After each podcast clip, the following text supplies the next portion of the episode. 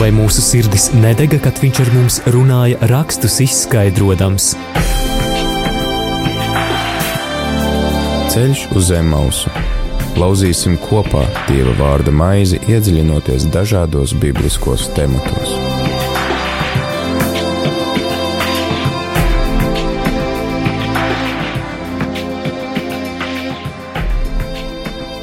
Esiet sveicināti, darbie radio Marija Latvijas klausītāji, 4. 12. oktobrī raidījumā Ceļš uz Zemmausu. Šis ir raidījums, kurā mēs mudinām jūs paņemt savas bībeles, atvērt tās un sekot līdzi Dieva vārdam. Šo Dieva vārdu katru nedēļu mēs iepazīstam un labāk mēģinām saprast ar dažādu konfesiju garīdzniekiem, arī šis vakars nav izņēmums. Šeit studijā pie mikrofona es, Māris Veliks, un šo raidījumu es vēlos sākt ar kādu īsu fragmentiņu no vēstules galatiešiem, kur Pāvils raksta, bet gara auglis ir mīlestība, miers, prieks, izturība, krietnums, labestība, uzticamība, lēnprātība, savaldība. Pret tādām lietām nav bauslības šeit starp garā augļiem ir minēta arī uzticamība. Droši vien varētu teikt, ka uzticamība ir viena no nobrieduša kristieša un cilvēka raksturiezīmēm, bet ko tad īsti nozīmē būt uzticamam tajās lietās, ko Dievs mums ir devis, un galu galā arī kas ir tās lietas, ko Dievs mums ir devis, kurās Viņš aicina mūs būt uzticīgiem. Šoreiz raidījumā Ceļš uz Zemmausu mēs ielūkojamies rakstu vietā no Mateja evaņģēlija 25. nodaļas, sākot ar 14. pantu, kas ir līdzība par uzticētajiem talantiem, un raudzīsim, kādas atbildes mums sniedz šis Dieva vārds. Un šovakar šeit, Radio Marijas studijā, man ir prieks sveicināt mācītāju, Lutāņu mācītāju Robertu Otomeru. Sveicināti! Labvakar!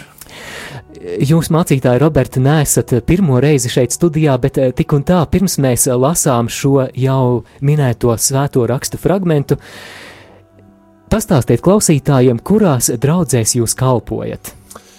Šobrīd kalpoju trijās draudzēs eh, Rīgā, Imantā, kas ir jaunākā luterāņa draudz visā Latvijā. Tur es esmu visilgāk mācītājs. Uh, Un tagad jau nepilnus divus gadus kalpoju vēl arī divās draudzēs ārpus Rīgas, vecumniekos un Vallē, kas ir nedaudz aiz Baldonas, kāda 50 un 60 km attālumā no Rīgas uz Lietuvas pusi. Un, nu jā, no jaunā gada būs vēl, vēl viena draudze Bārbelē arī. Paldies, ka esat ieradies šeit studijā, un Pēc īsa brīža mēs ļausim arī ēterā izskanēt minētajam dieva vārda fragmentam no Mateja evaņģēlija 25. nodaļas. Sāksim lasīt ar 14. pantu.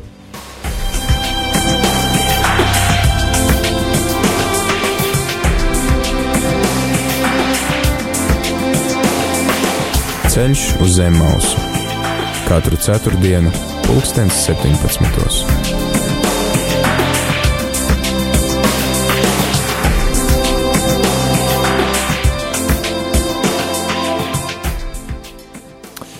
Lasījums no Mateja evaņģēlija 25. nodaļas, no 14.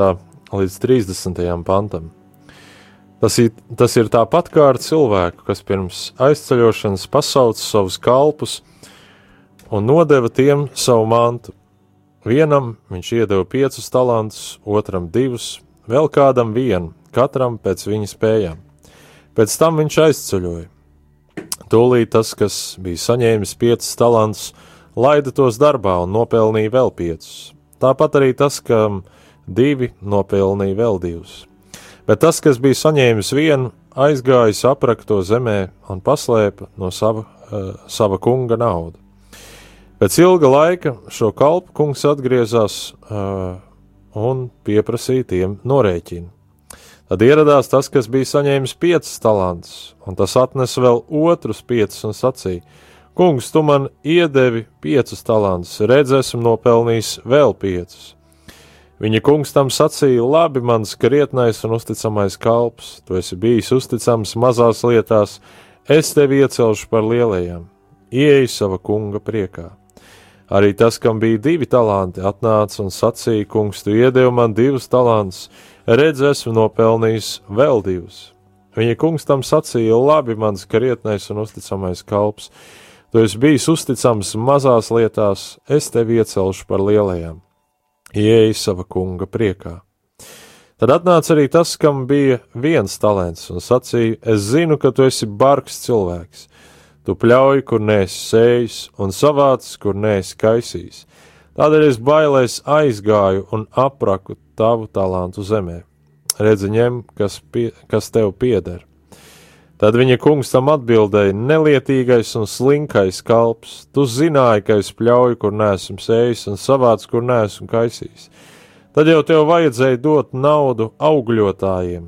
Tad es pārnācu dabūt atpakaļ savu naudu ar peļņu atņemiet viņam talantu un dodiet to tam, kam ir desmit. Jo tam, kam ir, tiks dots, un tam būs pārpilnība, bet tam, kam nav, tiks atņemts arī tas, kam, eh, kas tam ir. Bet nedarīgo kalpu izmetiet ārā tumsā, tur būs vaimanas un zobu griešana. Āmen!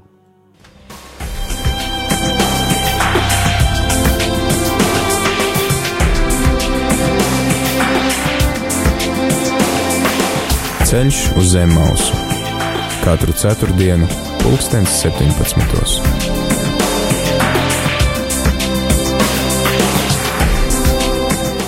Nu pat dzirdējām līdzību par uzticēto naudu, jeb uzticētajiem talantiem, ko mēs atrodam Mateja evaņģēlija 25. nodaļā no 14. līdz 30. pantam. Atgādinu, ka šovakar Radio Marijas studijā ir ar mums kopā Lutāņu mācītājs Roberts Otomers, Rīgas svētā gara, vecumnieku valles un bārbeles draugu mācītājs. Dodu vārdu mācītājam Robertam, kurš mums šovakar palīdzēs labāk saprast nu pat dzirdēto dieva vārdu. Es gribētu iesākt ar lūkšanu arī. Mīļais debes Tēvs, mēs lūdzam Tevi, sveitī mūs, kad pārdomājam šo rakstu vietu un atdari arī saprašanu varam šos tavu stāstīto līdzību labi saprast un pārdomāt, un ka tā labas augļus pie mums var nest. Āmen! Āmen. Mīļais uh, klausītāji, šī raksta vieta varētu būt droši vien tāda tiešām pārdomu uh, pilna. Mēs redzam, tur tiek uzticēta uh, kāda nauda, talants tā patiešām bija liela nauda, mm, Tur ar to varēja diezgan daudz ko iesākt, un mēs uh, saprotam no šīs līdzības jau droši vien kā pieredzējušiem klausītājiem un rakstu lasītājiem, ka ar šo uh, kungu, kas dāvā šo naudu, ir domāts pas, pats Dievs, uh, kas dāvā uh, saviem ļaudīm daudzas lietas. Un arī šajā gadījumā šie vīri, kas saņem šīs, šos talantus, šos naudas gabalus, ir viņa nu, kalpi, viņa darba ļaudis, ja mēs varētu sacīt, kristieši, kam tiek uzticēta šie naudas gabali. Un tad mēs redzam, ka tas kungs dodas prom un atstāja šos kalpus darboties, nu, kur mēs varējām redzēt, to rakstos piepildāmies, un kur tā sajūta, es domāju, arī mācekļiem tajā brīdī, klausoties šo, nu, viņi nevarēja iedomāties varbūt to fiziski, bet tas bija tajā brīdī, kad Jēzum bija pēc savas nāves augšām celšanās, bija jādodas atpakaļ pie tēva, un kur mācekļi palika vieni. Jēzus devās prom, un viņiem bija jāsāk nu, kalpot tajos darbos, ko Jēzus pats viņiem bija ierādījis, kur viņš kā meistars pa priekšu bija gājis un sludinājis, dziedinājis slimos, izdzinis ļaunos garus, ka viņiem šajā darbā arī būs jādarbojās un ka viņiem arī dzen, būs jānes augļus. Un, un šī līdzība mums stāsta un rāda patiesībā, ka Dievs patiešām no mums sagaida to, ko viņš mums dod, ka mēs to neliekam kā sveci zem pūra, ka neapslēpjam, nenobāžam kaut kur dziļi kaktā, bet visu to, ko viņš mums dāvā, ka mēs to liekam lietā, lai tas varētu nest augļus debesu valstībai. Un mēs redzam šajā līdzībā, nu, ka ne visi saņem vienādi. Nu, un to droši vien arī mēs varam pārliecināties arī zan, dzīvē šopaldien, ka nav tā, ka visi ir šeit virs zemes. Arī kristieši vienlīdz gudri, vienlīdz spēcīgi Dieva vārdā, vienlīdz spēcīgi lūdzēji, un tādu uzskaitījumu varētu vēl arī tālāk turpināt, bet ka katram ir dots uh, savs daudzums ar gudrību, savs daudzums ar, ar talantiem, uh, un bieži vien nav tā, ka visiem cilvēkiem būtu vienādi talanti.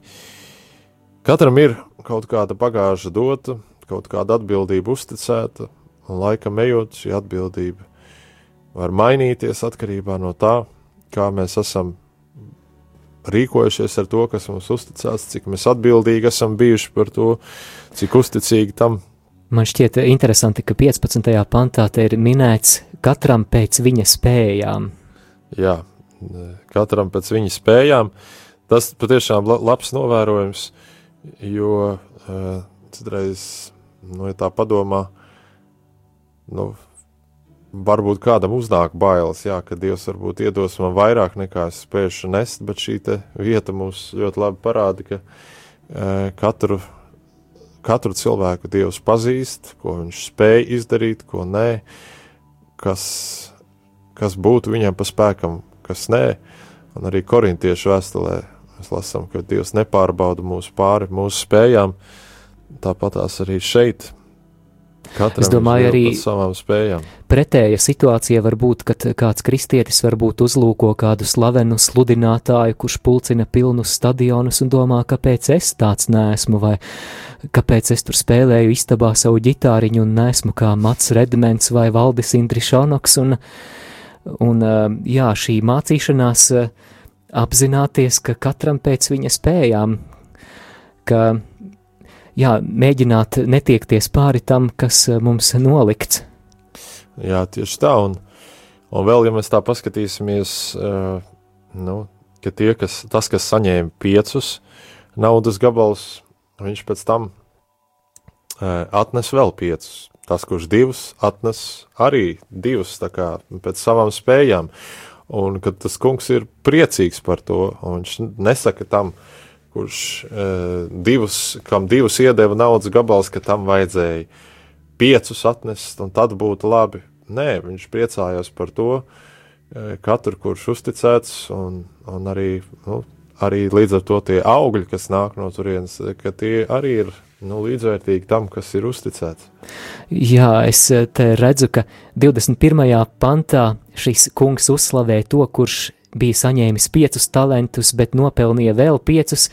Un eh, šis eh, teksts, labi, mans krietnais un uzticamais kalps, tu esi bijis uzticams mazās lietās, es tevi iecelšu pār lielajām, ieej sava kunga priekā, ir identisks tam, ko mēs lasām kā uzslavu 23. pantā, tam, kurš tikai tos divus talantus nopelnīja. Nu, tieši tā, tieši tā, jā, viņas abus, uh, abi, abi šie cilvēki nu, saņem priecīgu algu par to, ko viņi ir darījuši. Un, un vēl arī nu, šī frāze, ienāca kunga, ienāca sava kunga priekā. Tas ir apliecinājums, ka šie kalpi ir bijuši uzticami un ka viņi var arī ieiet uh, dieva valstības debesu namā, no debesu valstībā. Jo teiksim, tas pēdējais kalps, kurš nav bijis uzticams un kurš nav tad arī tam beigās saka, iemetiet, izmetiet to ārā uh, tumsībā. Un, un no šīs līdzības mēs varam redzēt arī to, ka nav tā, ka nu, debesu valstībā uh, ieies tikai kristīgie pēdiņās liekot supervaroņi. Kā tu jau pieminēji, ja tikai Valdis Indra Šonoks vai, vai, vai vēl kāds mega sludinātājs, kas liels pulcē liels stadions, ka tie ieies debesu valstībā, ka, ka tas nav tas gadījums, paldies Dievam, jo tad nu, tiešām ļoti smagi būtu. Jā, tātad tas, ko Dievs sagaida, lai mēs būtu uztic, uzticami tajā mazumiņā, ko Dievs mums ir dāvājis. Dargie klausītāji, atgādinu, ka jums ir iespēja iesaistīties šajā raidījumā, ja jums ir kāds jautājums saistībā ar nu pat dzirdēto rakstu vietu, tad droši šo jautājumu raidījuma laikā varat uzdot mācītājam Robertam. Atgādināšu, ka kontaktinformācija ir šāda. Ja vēlaties piezvanīt uz studiju, tad zvaniet uz numuru 67 969 131. Gaidām arī jūsu īsiņas uz numuru 266 77 272, kā arī Kādu garāku komentāru vai garāku jautājumu droši varat rakstīt arī e-pasta veidā uz studija at rml.lv. Pēc brīža atgriežamies ēterā.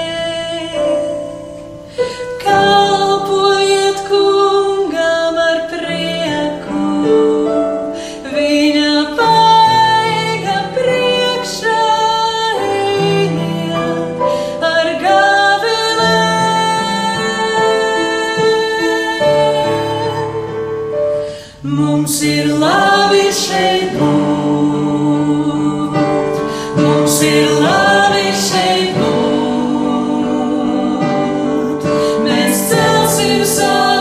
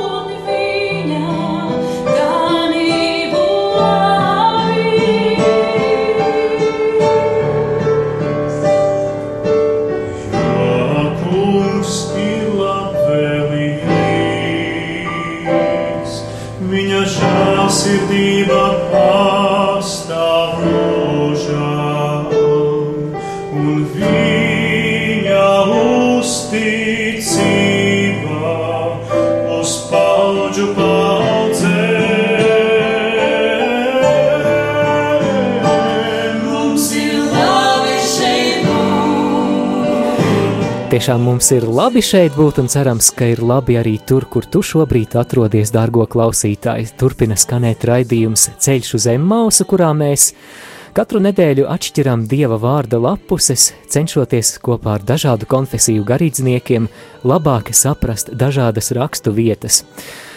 Šodien mēs lasām fragment no Mateja evaņģēlija 25. nodaļas, no 14. līdz 30. pantam, kas ir līdzība par uzticētajiem talantiem. Un studijā viesos pie mums šovakar ir Lutāņu mācītājs Roberts Otomers.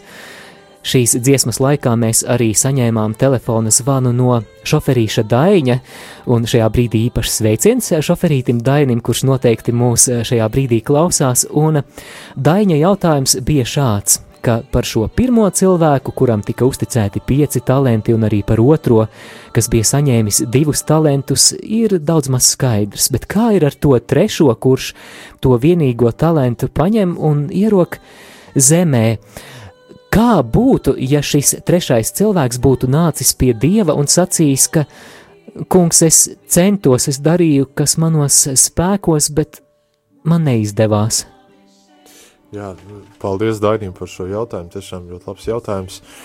Un e, es tiešām domāju viennozīmīgi, ja, ja šis trešais cilvēks būtu nācis un sacījis, es centos un man neizdevās, un arī, ja kāds no šiem pirmajiem diviem būtu nācis un sacījis, ka es centos no visu spēku, bet man nesanāca tik labi, kā gribētos, vai kā nu, pašam arī gribētos un kā kungam gribētos, tad, eh, tad Dievs būtu žēlīgs un arī viņam būtu sacījis, ka lai viņš ieiet tā kunga priekā eh, debesu valstībā, jo Dievs jau ir siržu pazinējis un viņš uzlī, uzlūko cilvēku sirdis, ar, ar kādu motivāciju cilvēki dara lietas, un šeit, šajā līdzībā, ko Jēzus stāsta eh, šim trešajam cilvēkam, ir ļoti precīzi nu, aprakstīta tā viņa mm, sirds uh, motivācija, kāpēc viņš ir noracis uh, šo te uh, talantu, šo, naudas gabalu, un kāpēc viņš neko nav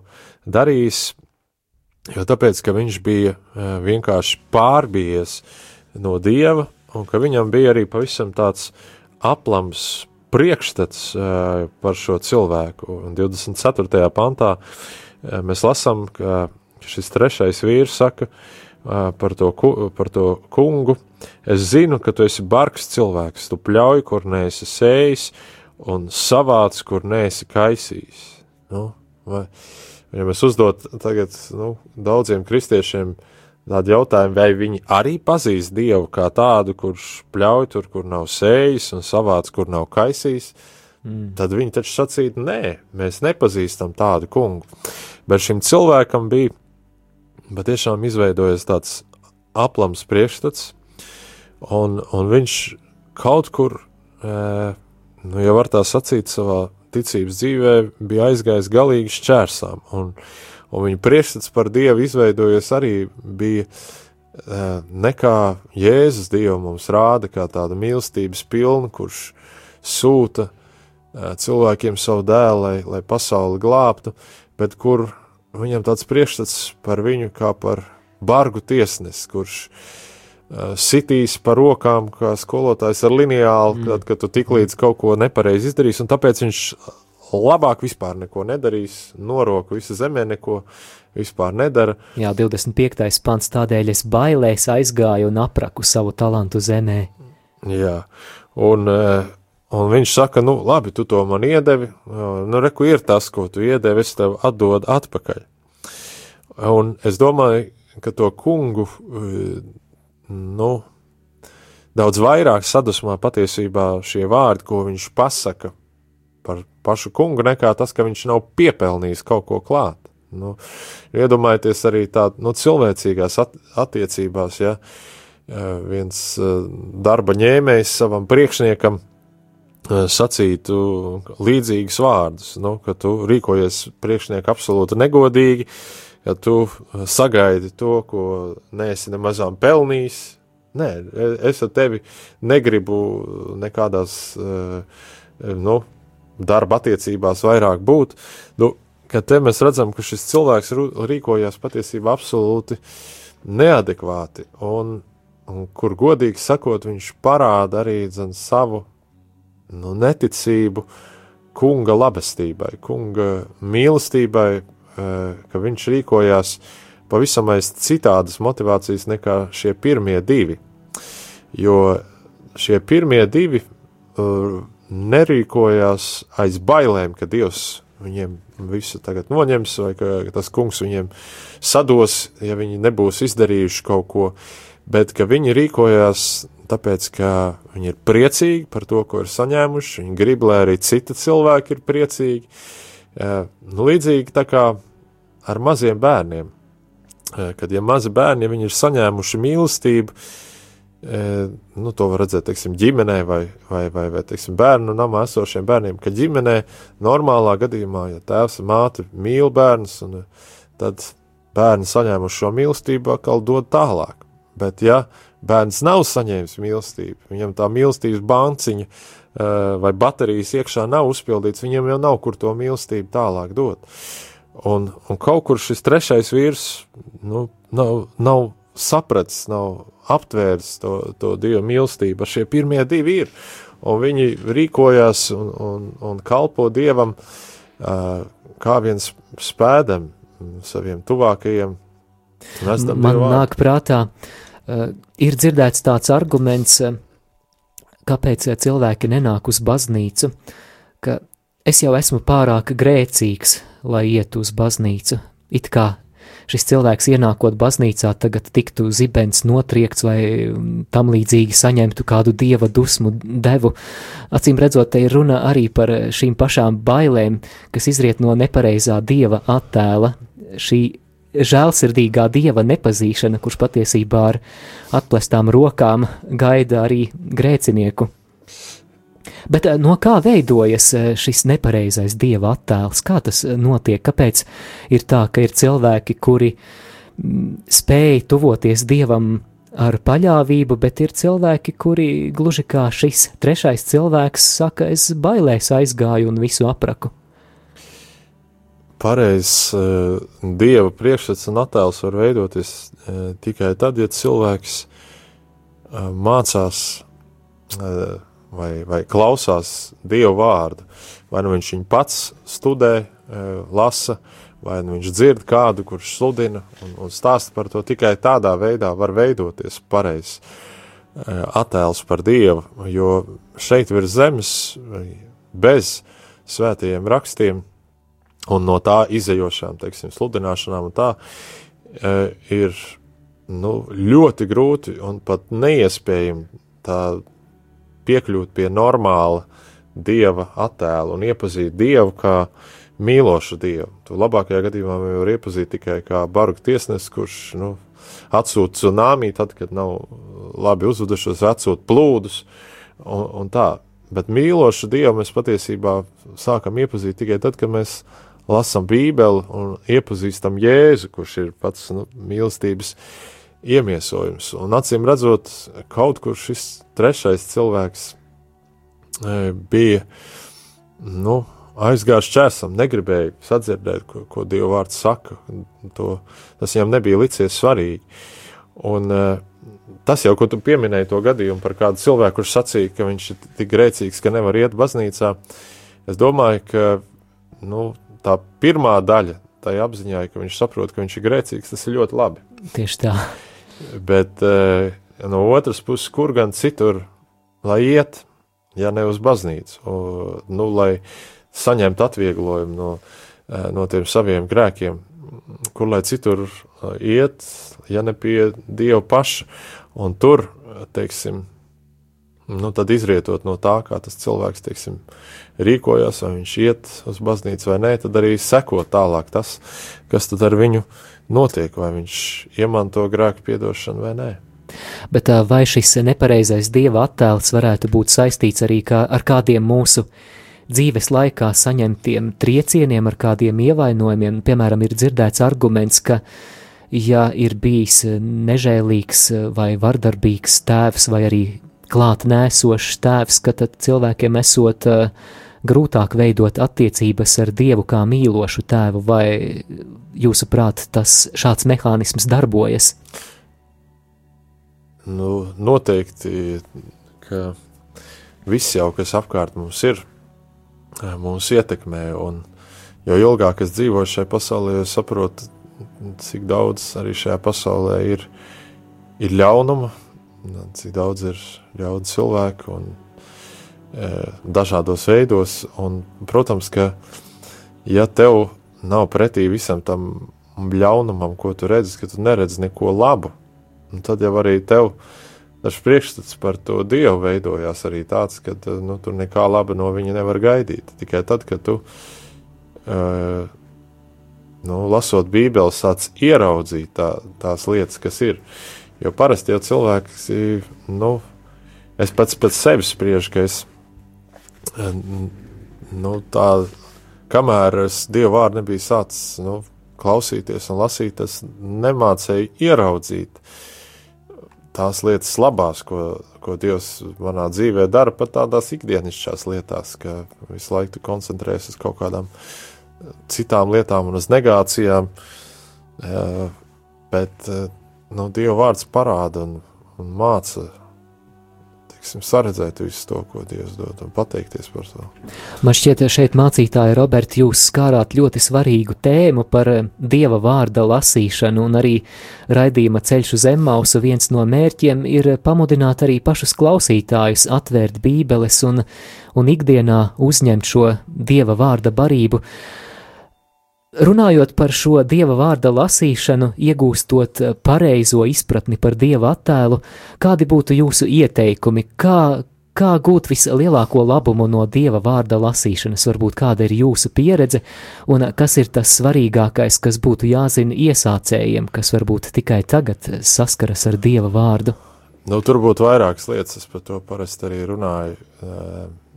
Katehezē ie, ievadas tādā kursā kristietībā, ka pirmkārt es parasti cilvēkiem iesaku Bībeli lasīt no, sākot no jaunās derības. Jo bieži vien, ja cilvēki sāk ar veco derību, tad viņi tiek labākajā gadījumā līdz trešai vai ceturtajai mūzes grāmatai. Daudzi arī otrajā iest, kaut kur iestiek tādā muklājā, kur sākas runa par tiem telts izmēriem. Un... Tie ir trešajā. Tie ir trešajā mūzes grāmatā. Otrajā, otrajā mūzes grāmatā vēl ir tīri interesanti, jo tur ir par mūzu un kā viņš izvada tautu no, no Ēģiptes, bet trešajā, sā, sā, trešajā mūzes grāmatā tie visi upuru veidi, jā. jā. Un, un, uh, Un tāpēc, teiksim, mans ieteikums jā, ir sākt ar, eh, ar jauno derību, un tad e, pārvirzīties pie, pie vecās derības. Jo bieži vien cilvēki, kam no Bībeli nav bijis saskars, viņi mēģina viņu tā kā atvērt vaļā tā kā tādu romānu grāmatu un no vāka līdz vākam lasīt. Un tad, nu, sevišķi, ja tāds pieredzējis lasītājs domā, ka 200 lapas puses vakarā var izlasīt, tad domā, nu, tāds pabiezāks blāķis ir, gan jau piecos vakaros tiks cauri, un tad ātri seko vilšanās. Ja Bībeli nav tāda grāmata, viņa ir patiesībā domāta tā, ka labāk tu nedaudz palasi, bet katru dienu nekā lielu blāķi nu, teiksim, reizi nedēļā vai mēnesī. Nu, tas, tas ir kā ar barības uzņemšanu. Ja mēs gribēsim teiksim, pieštapēties ēdienu uz nedēļu, vienā dienā tad nekas tur labs nesanāks. Un tāpat tās arī ar Bībeli, jo viņi ir labāk par nedaudzam, mm, bet, teiksim, regulāri.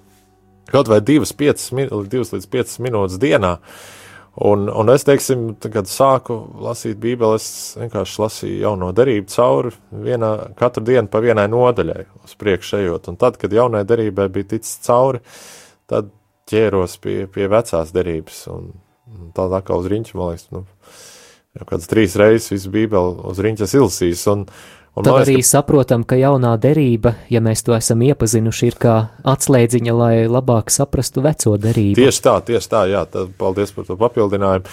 Jā, kad eh, man liekas, ka veco derību tur var būt daudz tādas mulsinošas un nesaprotamas lietas, eh, eh, kuras, nu, tieši tad, kad tu jauno derību esi ilsīs, tad liekas vieglāk to uztvert un saprast.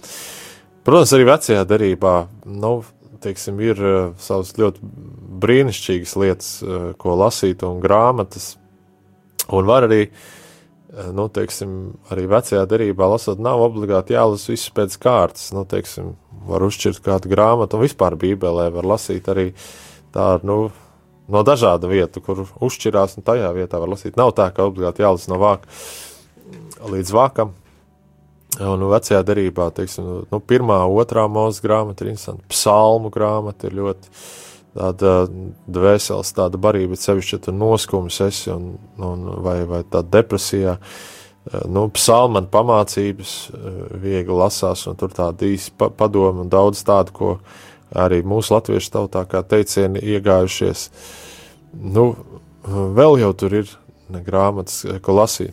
Un vēl viens ieteikums, eh, nu, teiksim, eh, Bībeli lasot, tad, kad paliek, paliek kaut kas tāds, lasot, kas ir grūti uztverams, vai, vai, vai saprot, vai garlaicīgs, piemēram, uztverot Mata evaņģēlijas sākumu, kur ir visi Jēzus radu raksti, un, un liekas, es neko no tā tur nesaprotu, tad droši var pāršķirt.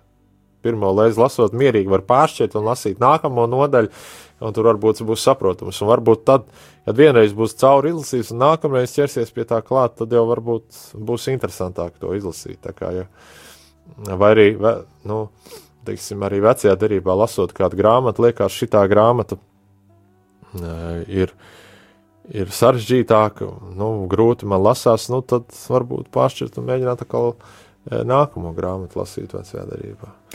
Paldies par vērtīgajiem ieteikumiem. Atgādinu, ka pēdējā iespēja uzdot kādu jautājumu mācītājam Robertam. Mums ir arī telefona zvans. Radio Marija, lūdzu, jūs esat ēterā. Kas mums sazvanīja? Jā, sveiki, te tāds Guntis zvana. Es Jā, vienkārši klausos, klausos jūsu sarunu. Vai nav tā, ka uh, tas bībeli tomēr ir tas, kā teikt, tā, literārais darbs, nē, bet lasām uh, gabals, ko, uh, kur jāuzzina par notikumiem iepriekš, jāizglīto, kas, ir, kas tad par ko tur būs, un tikai tad lasītājs cilvēks var uh, nākt, uh, sākt lasīt pats. Jo savādāk, nu, tas nav tā kā romāns, kuru jāgaida kaut kāds negaidīts pagrieziens. Jā, tātad vai ir nepieciešamas kādas priekšzināšanas, piemēram, par vēsturisko kontekstu, vai, vai es pareizi sapratu? Uh, Nē, nu jā, vai mm -hmm. pa vēsturisko kontekstu, vai arī tas pats arī viss arī stāsts, visas sižets ir, nu, kā teikt, jāpast, jāpastāsta, kas par to, par to, par to, jo tā gudrība jau slēpjas tajos vārdos, nevis, nevis tajā sižetā, tajā notikumos varbūt tā. Tā, jā, rekāte, laikam mums ar austiņām bija problēmas. Tātad es šo jautājumu mēģināšu tagad mācītājam Robertam vēlreiz pārstāstīt. Tātad jautājums ir šāds, vai Bībeles teksta saprašanai ir nepieciešamas kādas priekšzināšanas, izglītoties, teiksim, par vēsturisko fonu, par dažādām citām lietām, kuras mums varētu labāk palīdzēt saprast Bībeles tekstu? Jā, arī labs jautājums tiešām. Nu, jāsaka tā, ka pirmo reizi arī, kad es lasīju, man ļoti maz bija nu, tāda priekšzināšana. Vienkārši bija tīri interesi, kas, kas ir, mm, kas slēpjas šeit Bībeles tekstā, un tad eh, arī ar to lasīju. Un, nu, it sevišķi jaunajā darbā, un, un jēzus līdzībās, tur ir daudz tādas lietas, kuras patiesībā mēs ieraugām tādas ikdienišķas lietas, un kur tādas, nu, tādas mm, vēstures zināšanas pat nevienmēr ir nepieciešamas. Bet ir Ir, protams, e, vietas, ir, protams, līdzības un notikumi, kuriem ir labi, e, teiksim, zināt, mm, nu, teiksim, tādu vēsturisko kontekstu, un tas var palīdzēt e, dziļāk vai, vai, vai nopietnāk šo rakstu vietu saprast, un, protams, vēlāk, tā kā es, es sāku studēt un mācīties arī nu, baznīcas vēsturi un, un, un, un, un bībeles vēsturi, ka tas kaut kādas lietas vēl vairāk nu, pastiprināja atgūbu pa, pastiprināja sa, saprašanu, teiksim, pie daudzām bībeles rakstu vietām, bet, nu, mana pārliecība ir, ka, ka tiešām, nu, bībeli var sākt lasīt jebkurš, kuram ir pietiekami, nu, skaidra saprašana tādā ziņā, ka nav, es nezinu, kā, kaut kā jau, vai nu vecuma nespēks, vai, vai, vai, vai kāda, mm, atpalicība. Bet tā, ka jebkurš cilvēks nu, tā, e, var, var tur lasīt, un tā, ka galvenais e, nu, te, jā, pieiet tam pietiekami nopietni un, un sāk to lasīšanu arī ar lūkšanu, ka mīļais Dievs atdari man saprašanu, un, e, un ka tad arī, nu, vienreiz pārlas, otru reizi pārlas pēc kāda laika varbūt, un tad varbūt paliek tas saprotamāk. Un citreiz atkal var palīdzēt, it sevišķi, ja internets ir pieejams, pamēģināt to raksturvietu, teiksim, internetā uzmeklēt varbūt kādu komentāru vai sprediķi noklausīties par šo tēmu, kas arī var palīdzēt to saprast. Vai vienkārši uz baznīcu iet un, un vaicāt mācītājiem priesterim. ciešanas,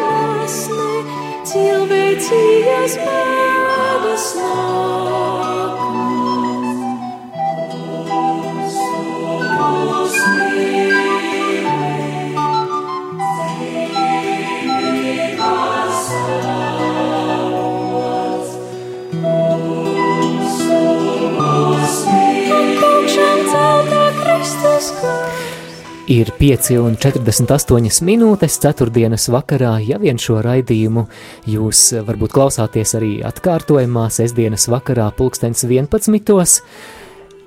Turpinām runāt par Dieva vārdu, turpinām aplūkot rakstu vietu no Mateja evaņģēlija 25. nodaļas 14. panta līdz 30. pantam. Paldies arī klausītājiem, kas ir atsūtījuši arī kādu komentāru. Cik es saprotu, tas ir komentārs par šīs rakstu vietas 29. pantu, jo tam, kam ir, tiks dots un tam būs pārpilnība. Un eh, te ir kāds komentārs, kam ir labā griba, tam tiks dots, kam nav, tam tiks atņemts tas, kas ir. Paldies jums, darbie klausītāji, arī par šo komentāru. Raidījums strauji tuvojas savam noslēgumam, un tad eh, ļausim mācītājam Robertam arī eh, kādu pēdējo domu no šīs rakstu vietas izklāstīt. Jā, atgriežoties pie tās rakstu vietas, mums vēl palika varbūt tādām pārdomām. Tie paši tie noslēdzošie vārdi, kur mēs redzam, ka mm, tas kungs ļoti skarbi izturās pret vīru, kas arī pats pret viņu ir skarbi savos vārdos un darbos eh, rīkojies. Un, un te protams, ir brīdinājums visiem tiem cilvēkiem, kas uh, pret Dievu izturās vienaldzīgi vai pretestīgi, lai kamēr ir vien žēlstības laiks, lai atgriežas no šī grēcīgā ceļa. Un tad ļoti neprasts varbūt kādiem varētu likties uh, tas, ka beigās uh, šo talantu šim vienam, kas to atnes atpakaļ un nav līdz lietā, atņem un atdod tam, kam jau ir desmit. Liekā varētu likties vispār Jā. netaisnības kalngals. bet, eh, bet nu, patiesībā nu, eh, tas, ko šī līdzība parāda, ka, eh, ka nu, tie, kas uzticīgi darbojās, tie tiks atalgoti. Un, un ka reizēm jau tā gadās, teiksim, ka tiem, uh, kal, dieva kalpiem, kas darbojās uzticīgi, un tur blakus ir kāds, kurš nu, vai nu pakrīt, vai nu aiziet neceļos, un ka tad tam uzticīgajam kalpam nākās pārņemt to, eh, šo te kalpošanu un, un darboties arī ar, ar to, ko varbūt kāds pirms tam ir uh, salaidis grīstē. Un, uh, un, protams, citreiz to var uztvert kā prieku, bet citreiz tā ir vēl arī kaut kāda arī uh, nu, papildus lieta, kas ir jādara, papildus atbildība. Bet nu, katrā ziņā mēs redzam, ka tas noslēguma komentārs, jo kam ir, tam tiks dots, un tam būs pārpilnība, bet tam, kam nav, tiks atņemts arī tas, kas tam ir. Proti, ka tie cilvēki, kas ar dievu nesakrāja, tie patiesībā, nu, ko viņi īsti var sakrāt, nu, tāda paliekoša, viss jau tās mantas, kas mums šeit ir zemes, ir neko jau līdzi mēs debesu valstībā vai, vai, vai mūžībā nepaņemsim, bet ka tikai to, ko garīgi būsim uzkrājuši, ka tās ir tās lietas, ko neviens mums nevar atņemt un ko mēs līdzi varēsim saņemt. Un ja mēs pie šīm garīgajām lietām krājam, eh, tad mums tiks dots un mums ir redz te apsolīta pārpilnība, bet kas pie Dieva nemeklē, nu, tam beigās tiks atņemts arī tas, kas viņam bez dieva ir. Un, nu, te mēs redzam gan to dievu žēlstību pret tiem, kas uzticīgi darbojas, un pat ja viņiem nesanāk, viņi krīt un atkal ceļās, bet viņiem motivācija ir dievam kalpot, ka pret tiem viņš ir žēlīgs, bet savukārt pret tiem, kuri dievu uzskata, uh, tikai kā bargu tiesnesi un neredz to viņu mīlestību, un līdz ar to saka, nu tad es nedarīšu neko, ka, nu, tad tas kungus sadusmo, ka pret viņu tā izturās, un ka viņu redz kā tādu ļaunu un netaisnīgu dievu, un ka tas var saņemt beigās arī sodu. Paldies, saku mācītājam Robertam Otameram, Rīgas svētā gara vecumnieku valles un bārbeles draugu mācītājam par šo 25. Mateja evaņģēli 25. nodaļas fragmenta skaidrojumu raidījumā Ceļš uz Emmausu. Mans vārds ir Māris Veliks. Esiet svētīti un no jums šajā brīdī mēs atvadāmies. Lai jums patīkams šīs dienas turpinājums, vai arī, ja klausāties atkārtojumā, lai labs naktsmiers!